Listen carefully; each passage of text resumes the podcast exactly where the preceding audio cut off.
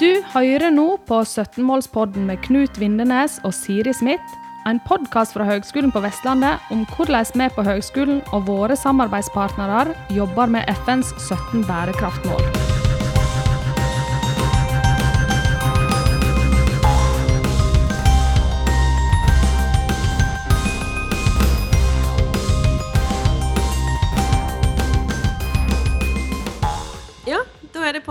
Podkastopptak. 17-målspodden for de som er interessert i å høre mer av oss. Eh, og nå er vi altså live på scenen fra Blue Days i Grieghallen 2021. Veldig hyggelig å være her. Hei, våre gjester. Hei, hei. Har dere det bra? Hei, Knut. Har dere det bra? Ja, men Da setter vi bare i gang. Eh, og Knut, du er, er, skal begynne å spørre Løg om litt forskjellige spennende ting om hydrogen. Ja. Først er det litt sånn rart å stå her. Nå er det første gang vi står i en svær messesal og, og spiller inn podkast, og det er litt sånn nytt og spennende. Eh, men eh, vi kjører i gang. så da, da begynner vi med litt sånn internt eh, høyskole for å fokusere litt på hva høyskolen gjør først. da. Så eh, du eh, Velaug, eh, du er assisterende instituttleder ved Institutt for maskin- og marinfag ved Høgskolen på Vestlandet. Og du har doktorgrad i fysikalsk kjemi. nå tror jeg jeg sa det rett. Eh, og så jobber du med nanoteknologi, petroleum og grønn energi. har vi notert her. Eh, du må fortelle litt, egentlig bare gå rett på sak. Hva er hydrogen for noe? Og hvorfor har det fått en så viktig rolle i det grønne skiftet? Ja, takk for det. Eh, hydrogen er en gass. Eh, en fargeløs og luktfri gass. Og det er det minste og letteste grunnstoffet vi har på jorda. Eh, og det som er litt spesielt med hydrogen, er at den er så energirik. Så det gjør at vi kan bruke den til å lagre energi, og vi kan faktisk også bruke den som drivstoff. Og, og det er ganske viktig inn mot det grønne skiftet, fordi hvis vi nå skal gå over til å bruke mer fornybare energikilder eh, Det som er utfordringa med fornybare energikilder, er at de er periodiske. Så det vil si at de eh, produserer variabelt med strøm. Ja, Det svinger, sant? det blåser ikke alltid, og solen skinner ikke alltid. Nettopp. Og da må vi ha en måte å lagre energi på. Så når, vi har, når det blåser masse og vi har overproduksjon, så må vi ha en måte å lagre overskuddsenergien på. Mm, lurt. Og når det ikke blåser, så må vi ha et energilager som vi da kan bruke fra. Nettopp. nettopp. Men du, så må vi gå, ta, ta denne her også. Det er jo forklart i mange sammenhenger, men vi må ta denne her også. Vi, har, vi snakker om grønn hydrogen, vi snakker om blå, og vi snakker om grå hydrogen. Hva er nå forskjellen? Ja. Vi kan starte med grå, da. Eh, Det er jo det som eh, vi produserer aller mest av i, i verden i dag. Over 95% av verdens hydrogenproduksjon er grå. Det er såpass, ja. Ja. Og, det vil si at hydrogen er produsert fra fossile kilder. Fra kull, olje, gass. Nettopp. Eh, men da med masse CO2-utslipp. Når Ja. du produserer hydrogen fra fossile kilder uten å fange CO2-en, så slippes den rett ut. Ja, der har vi en utfordring. Ja. Og det er det vi gjør i dag.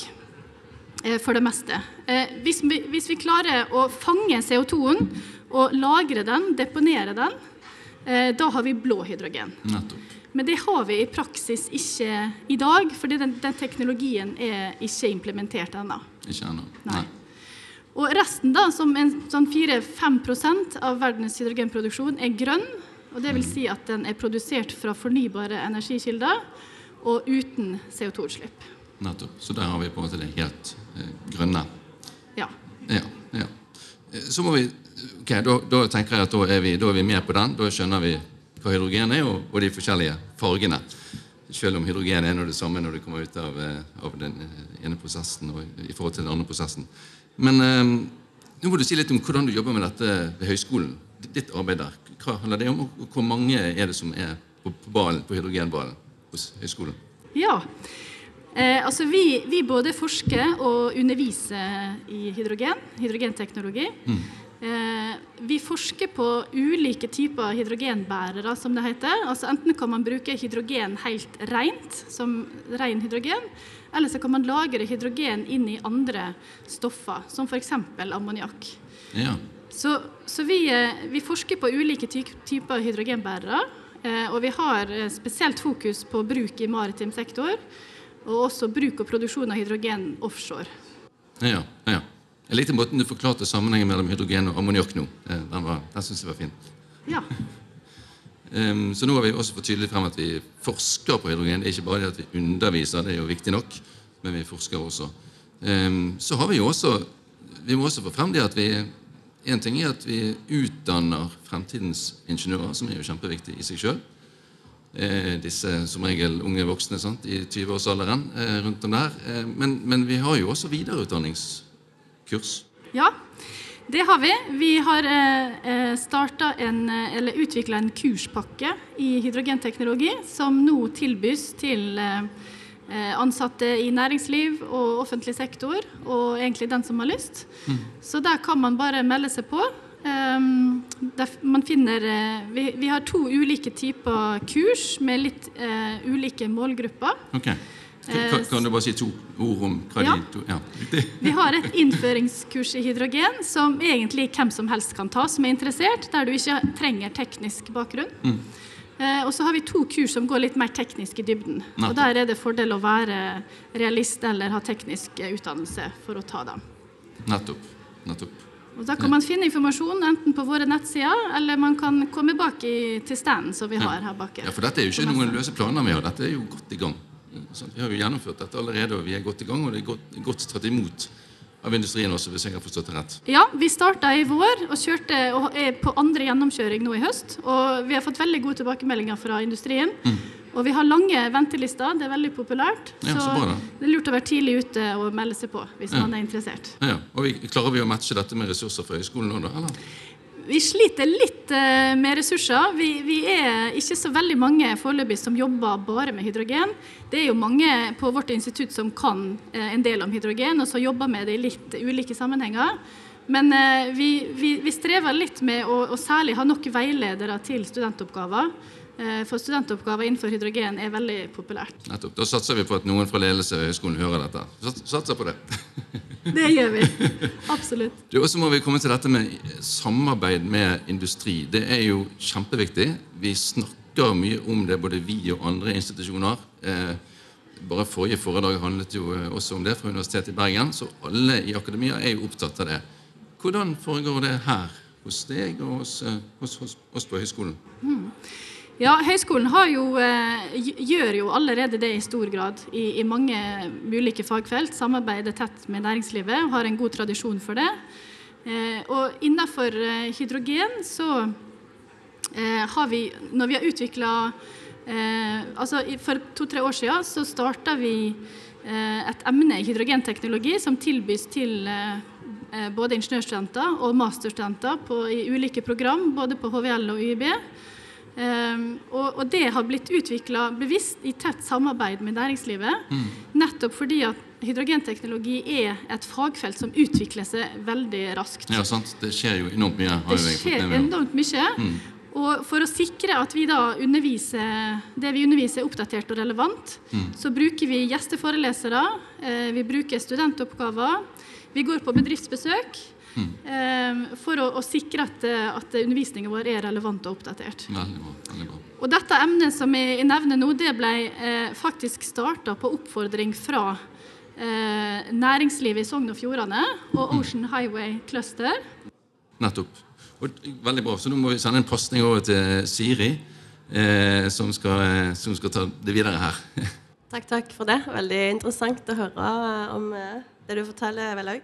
Men vi har en annen gjest her, Mark Perkis fra Ocean Highway Cluster. Hva, eh, hvem er du først?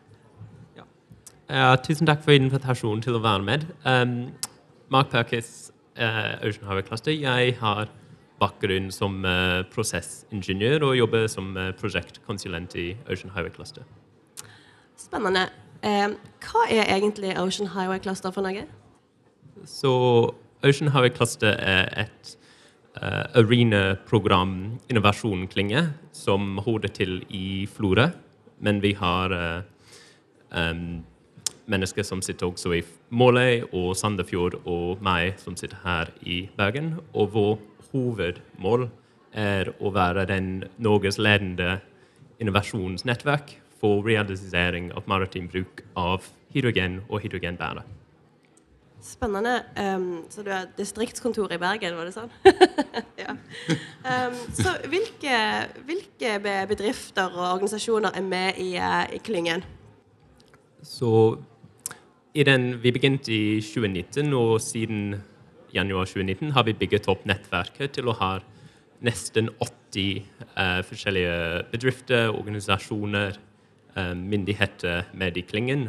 Og det har vi gjort bevisst til å gå gjennom hele den hydrogenverdikjeden. Så vi har alt fra energiprodusenter til um, rederier, de som skal bruke hydrogen, og fra forskning og utdanning til myndigheter og finansaktører.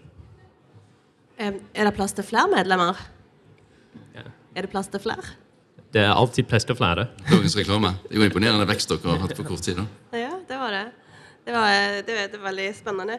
Men eh, altså, hva er det viktigste formålet med, med, med klyngen? Kan du si det litt mer utdypende? Så ja, jeg tror vi kommer til å snakke, men det er liksom For å realisere maritim bruk av hydrogen, du må faktisk ha den hydrogenet tilgjengelig, eller den ammoniakk eller LHC-en. Så i prosjekter og i satsinger som Klyngen er med i, vi har veldig sterk fokus på å ikke bare designe fine skip, men også og hvor det skulle forsynes fra. Hvor den infrastruktur, den haven, hvor den kommer fra. Ja, nettopp. Ja, for nå er vi jo på en messe for eh, havnæringene.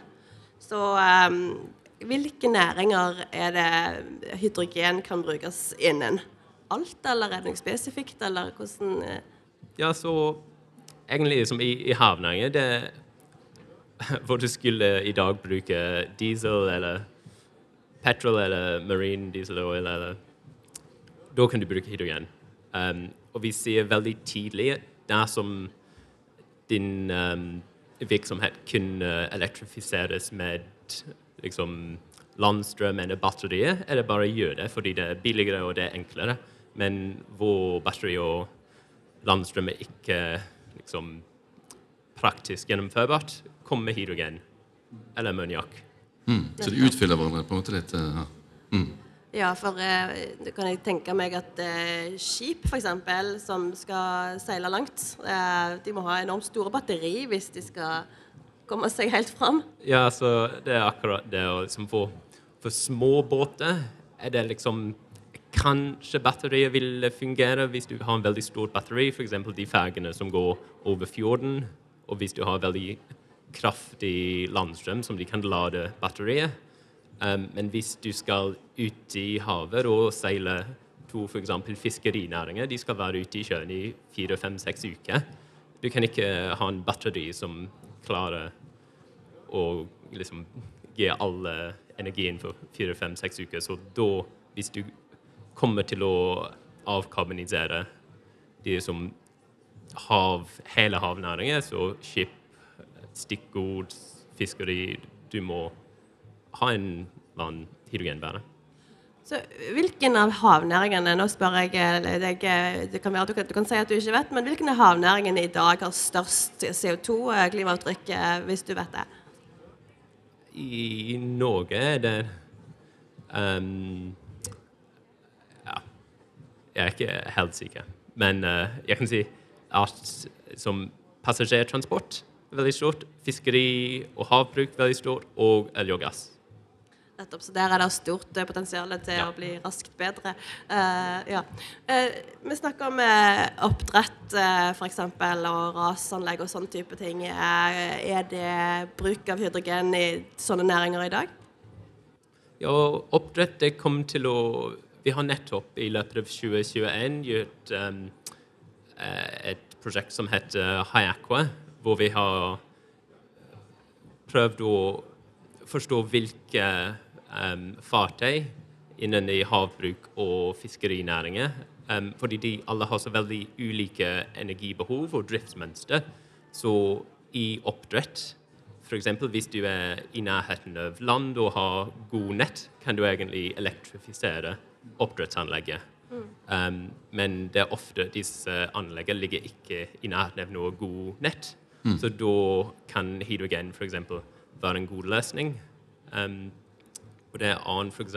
til å, å frakte fiskefôret. Um, de har liksom store frakteskip som besøker alle anleggene langt om uh, kysten. Og da um, de, de, skal være, liksom, besøke mange oppdrettsanlegg. Um, de kan ikke De må ha ja, hydrogen eller ammoniakk fordi de skal være på sjøen i tre-fire-fem dager. Nettopp. Nå har vi jo eh, i tittelen til dette her eh, innlegget her sagt at vi skal snakke om dilemmaene med hydrogen, så det skal vi straks komme tilbake til, eh, eller begynne på. Men bare først når det gjelder utdanning og forskning og studentoppgaver og, og, og så videre som en ressurs, hvordan ser klyngen på det? For klyngen sin del, vi sitter som midt imellom alt, egentlig. liksom forskning, utdanning, næringsliv, myndigheter og finansaktører. Så mm. det som vi ser er liksom vår rolle, vi kan være med til å knytte disse ulike segmentene sammen og lage til f.eks. messe som i dag, som vi gjør oppe i, i Florø.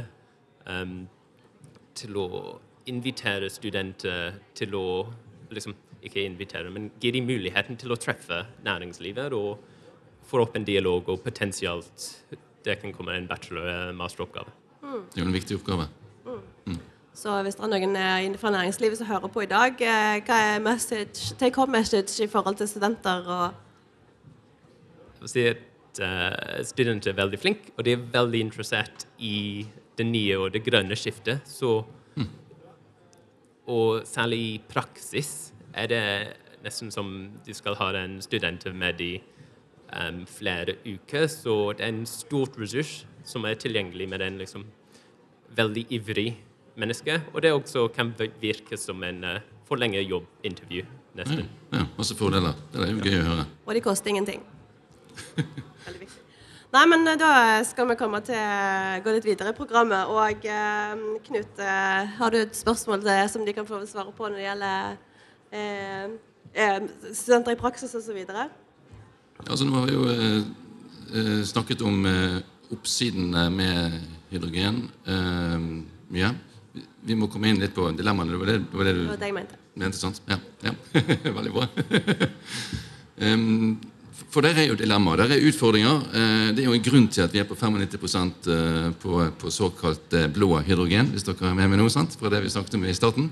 Eh, og at, eh, at, vi kjemper globalt med å raskere få ut grønn hydrogen. Eh, så hva er det som stopper oss? Hvem vil begynne dere for det? Jeg kan begynne, kanskje? Ja. ja. ja. Nei, det er, jo, det er, jo, mange utfordringer. Um, hydrogen er jo som andre drivstoff veldig energirikt. Uh, så man må jo og Hydrogen er også lett antennelig og veldig brennbart. Nettopp. Sånn at eh, Det er jo en del sikkerhetsaspekt man er nødt til å passe på. Mm. Eh, og Her har vi veldig mye kunnskap og erfaring. Norge har jo produsert og brukt hydrogen i over 100 år. Mm. På, I forskjellige industrielle prosesser. Men nå når vi skal begynne å bruke hydrogen på en annen måte, som drivstoff f.eks., så får vi litt andre utfordringer. Og der er det litt som gjenstår for å utvikle mm. trygge løsninger. Ja, men er det rett å si at vi eh, som, som industri har mer kontroll enn, enn hva som ofte blir inntrykket ute i offentligheten på sikkerheten? eller? Ja, jeg, jeg, tror nok at det kanskje finnes en, en bekymring uh, ute blant folk som, uh, ja, som, til dels er reell. Altså, dette er mm. utfordringer mm. vi må ta på alvor. Men vi har også veldig mye kompetanse på det og veldig mm. mye erfaring med det. Så dette er ting som er håndterbare. Ja, så det dreier seg om å, å, å kunne utvikle eh, teknologien litt videre for å mm. kunne håndtere det. Ja, det er håndterbart. Det er egentlig en ja. grei ting å ja. Men du sa det Knut, 95% grå hydrogen, og for at vi skal komme over det er var 5 da, som er blå eller grønn. Da har vi jo en kjempelang vei å gå. Eh, og hva er den største utfordringen der? Ja, altså Det er jo flere ting. Eh, men som du sa eh, Eh, det som er litt av grunnen, eller kanskje største grunnen til at grå hydrogen er det aller meste det vi produserer, er at det er billig. Det produseres fra naturgass, det er lett tilgjengelig, og, og det er veldig kostnadseffektivt per i dag.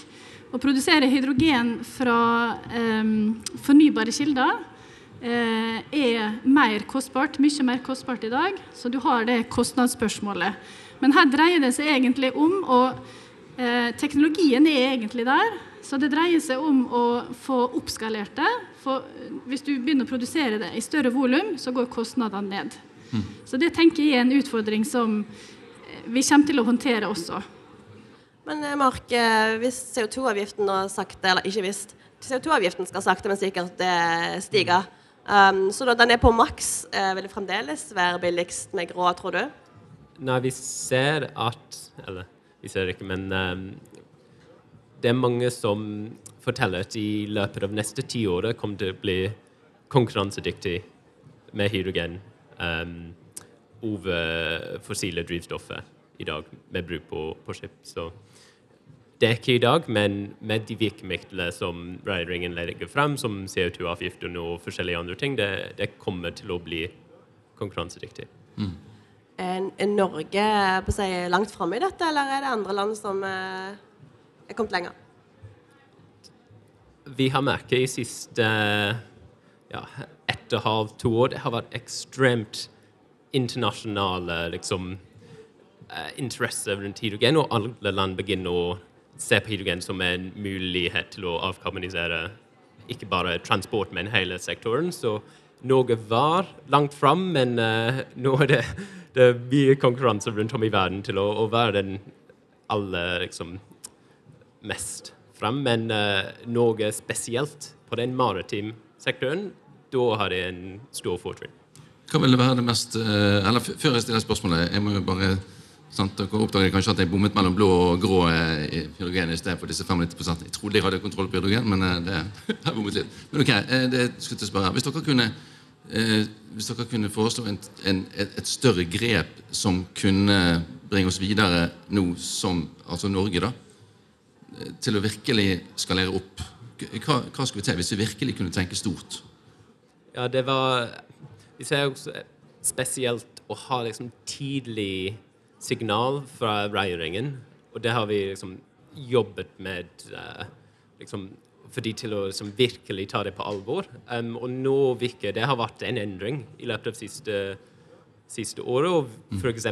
Enova skal snart lansere um, et konkurranse for de hydrogenknutepunktene langs kysten.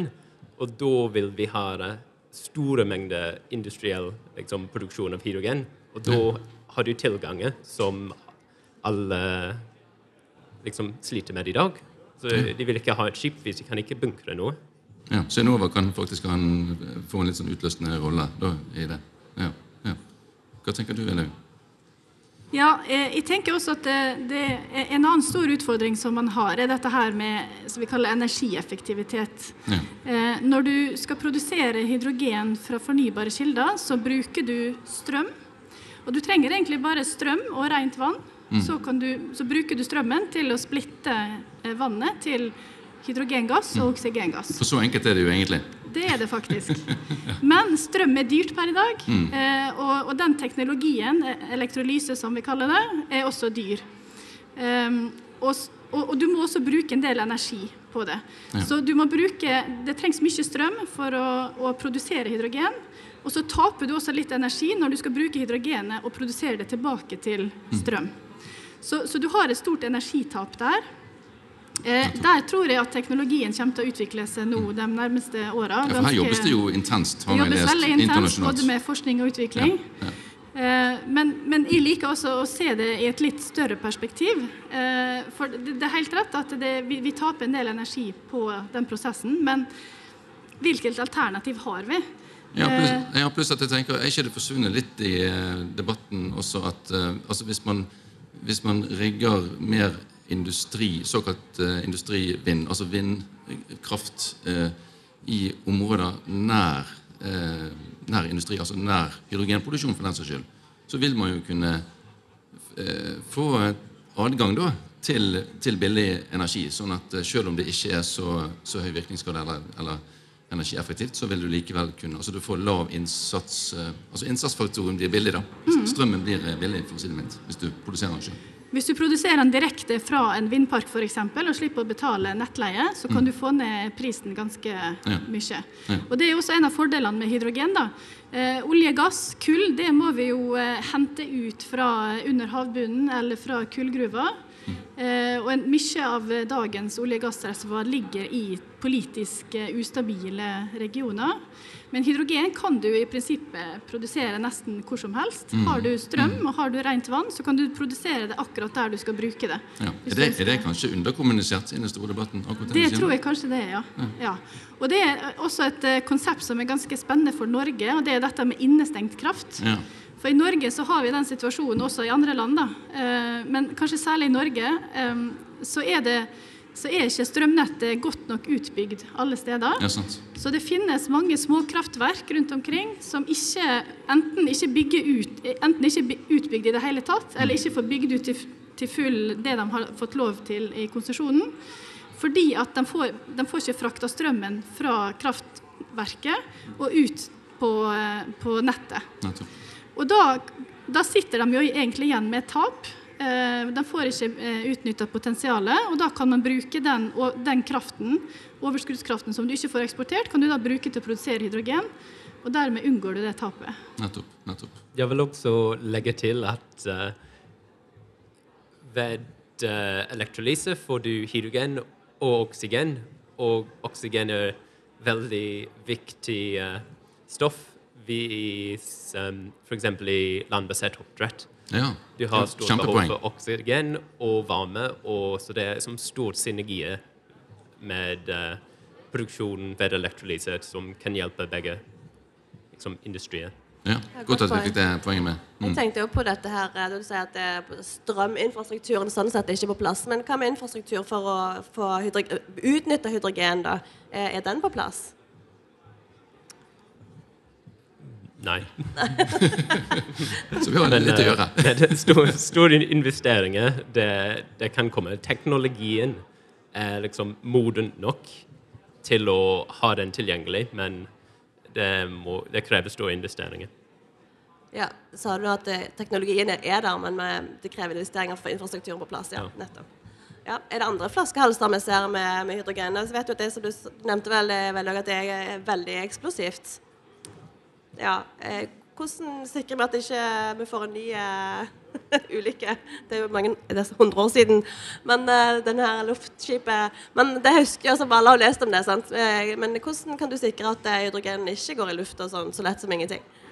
Ja, Det som er viktig, er jo at man, man sørger for å, å vite eh, eh, Kjenne hydrogen sine egenskaper.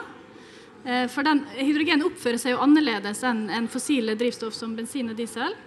Eh, som jeg sa, så er hydrogen det minste og letteste eh, grunnstoffet vi har. Så det betyr at hvis du har en lekkasje av hydrogen, så vil den stige til værs eh, veldig raskt. Eh, den er 14 ganger lettere enn luft og forsvinner med en gang. Så hvis man, hvis man klarer å lage sikkerhetssystemer som kan fange opp lekkasjer, eventuelle lekkasjer, og ventilere det ut høyt oppe, eh, langt vekk fra antenningskilder, så vil det være en, en god måte å håndtere, håndtere det på. Og det er jo også en fordel med hydrogen, da, at eh, har du en hydrogenlekkasje som tar fyr, så vil den sannsynligvis, så sant du ikke har eh, omkringliggende eh, strukturer som også blir påvirka, så vil den flammen stå rett til værs eh, og, og brenne opp veldig raskt. Har du en bensin- eller diesellekkasje, så blir det liggende på bakken og vil da være en større fare for en person i en bil, f.eks. Ja. En god iboende egenskap på en måte, for, for, ja, for hydrogenet. da. Ja, ja. Vi må gå inn for landing. Vi ser vi på, på tiden her. Det er alltid, tiden går alltid fort når man har det kjekt og det er interessant. Ja. Um, så ja, hva sier du, Siri? Nei, det er noen, eh, noen ting dere vil eh, nevne nå avslutningsvis som vi ikke har vært inne på? Mark, har du noe du vil eh? Nei, jeg tror vi har gått ja, Vi kunne snakke om hydrogen veldig lenge, så, men den tilgangen og sikkerhet og kunnskapsutvikling er jo ekstremt viktig å, å få eh, denne bølgen videre. Vil jeg ha noen, avsluttende ord? Ja, jeg vil også gjerne komme med en liten oppfordring til eh, studenter og næringsliv, siden eh, vi nå er på den messa vi er i dag. Eh, Sånne messer og andre møtepunkt som gjerne blir arrangert gjennom klynger som Ocean Highway Cluster, er kjempefine måter å få til samarbeid mellom eh, akademia, studenter og næringsliv. Så jeg vil bare oppfordre studenter og næringsliv til å bruke de sjansene til å eh, få kontakt. Eh, og vi har veldig god erfaring med studentoppgaver med næringslivet, så det er noe jeg vil anbefale å prøve. Det er jo en kjempeutfordring. Ja. ja, men da eh, Tusen takk for at dere var gjester i 17-målspodden, og alle dere som var her og hørte på. Da sier jeg takk til Velaug, Myrseth Oltedal og Mark Perkis. Og da sier vi takk fra oss fra scenen. Tusen takk for oss. Tusen Takk takk for for oss. oss.